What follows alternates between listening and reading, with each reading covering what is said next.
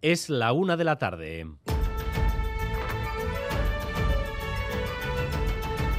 Crónica de Euskadi con Dani Álvarez. A Rachaldeón, dos noticias sobre violencia contra las mujeres protagonizan hoy la crónica informativa de nuestro país. La primera de ellas nos sitúa en los juzgados de Bilbao. La víctima de un caso de agresión sexual denuncia que una de las principales pruebas del proceso, un vídeo que inculpa al autor, ha desaparecido. Palacio de Justicia, Xavier Madariaga.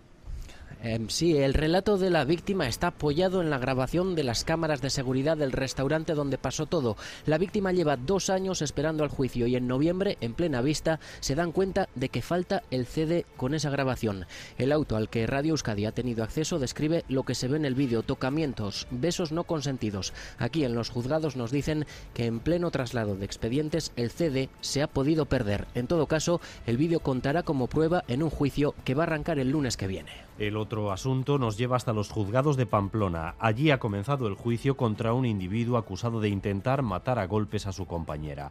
La agresión le causó numerosas y graves lesiones. Le ha dejado secuelas, incluida una discapacidad.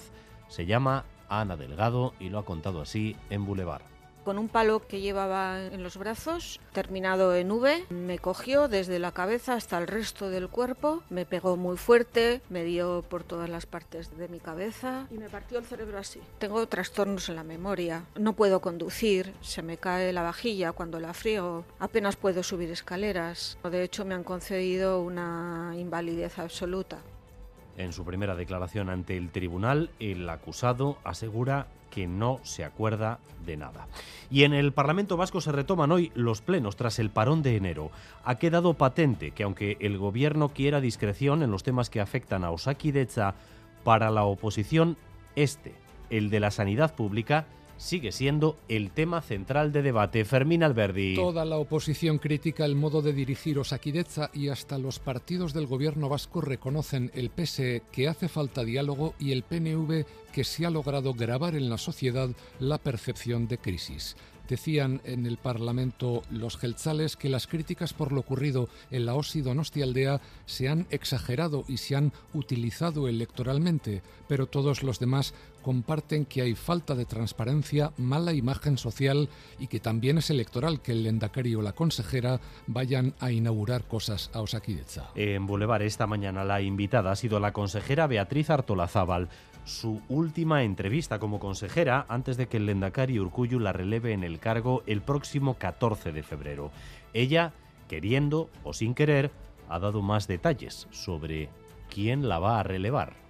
Yo he compartido con el Endacari muchas reuniones, hemos trabajado en buscar la mejor persona y creo que hemos coincidido los dos en esa persona y por tanto, bueno, eh, le voy a dejar al Endacari, como no puede ser de otra forma, el que anuncie quién va a ser la titular mm, próximamente del Departamento de Igualdad, Justicia y Políticas Sociales.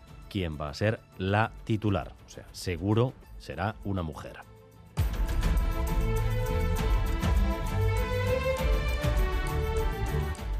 La cuesta de enero se ha notado y mucho en el empleo. Siempre pasa por el final de las campañas de Navidad y este año también ha sido así.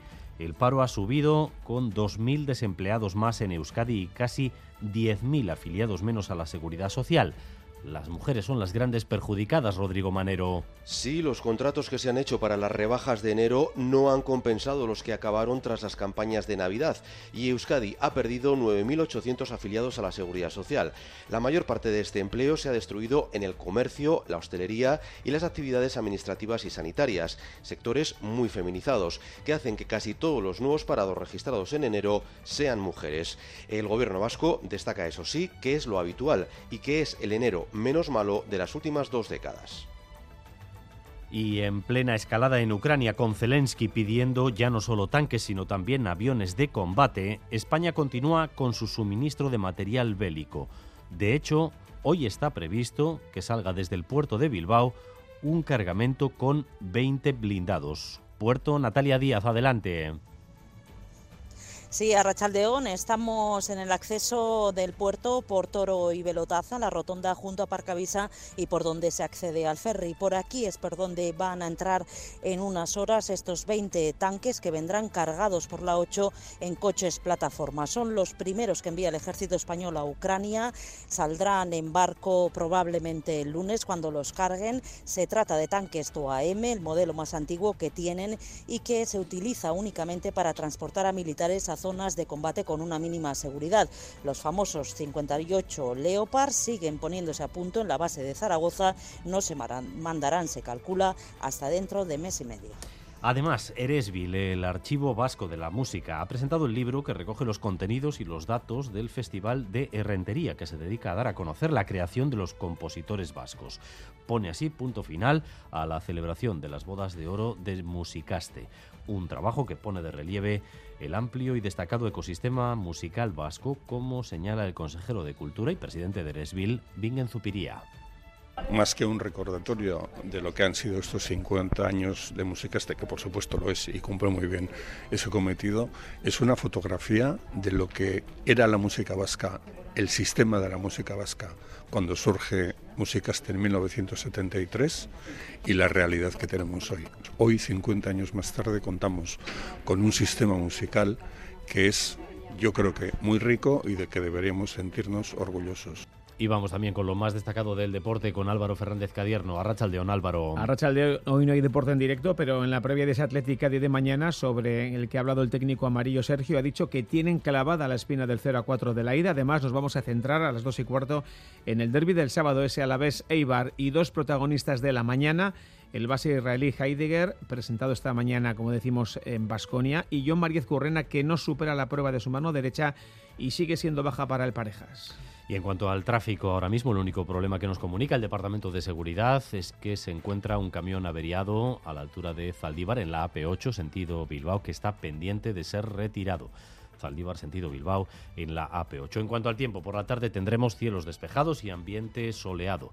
El viento será del nordeste y se dejará notar más en comarcas como el Valle del Ebro y alrededores. Las temperaturas sin grandes cambios, aunque por la noche volverán a descender de manera rápida y tendremos otra vez heladas. 11 grados ahora mismo en Donostia y en Bilbao, 10 en Bayona 8 grados de temperatura en Pamplona y 7 en Vitoria-Gasteiz. Gracias un día más por elegir Radio Euskadi y Radio Vitoria para informarse. Raúl González y José Ignacio Revuelta se encargan de la dirección técnica y Aichiber Bilbao de la coordinación. Crónica de Euskadi con Dani Álvarez.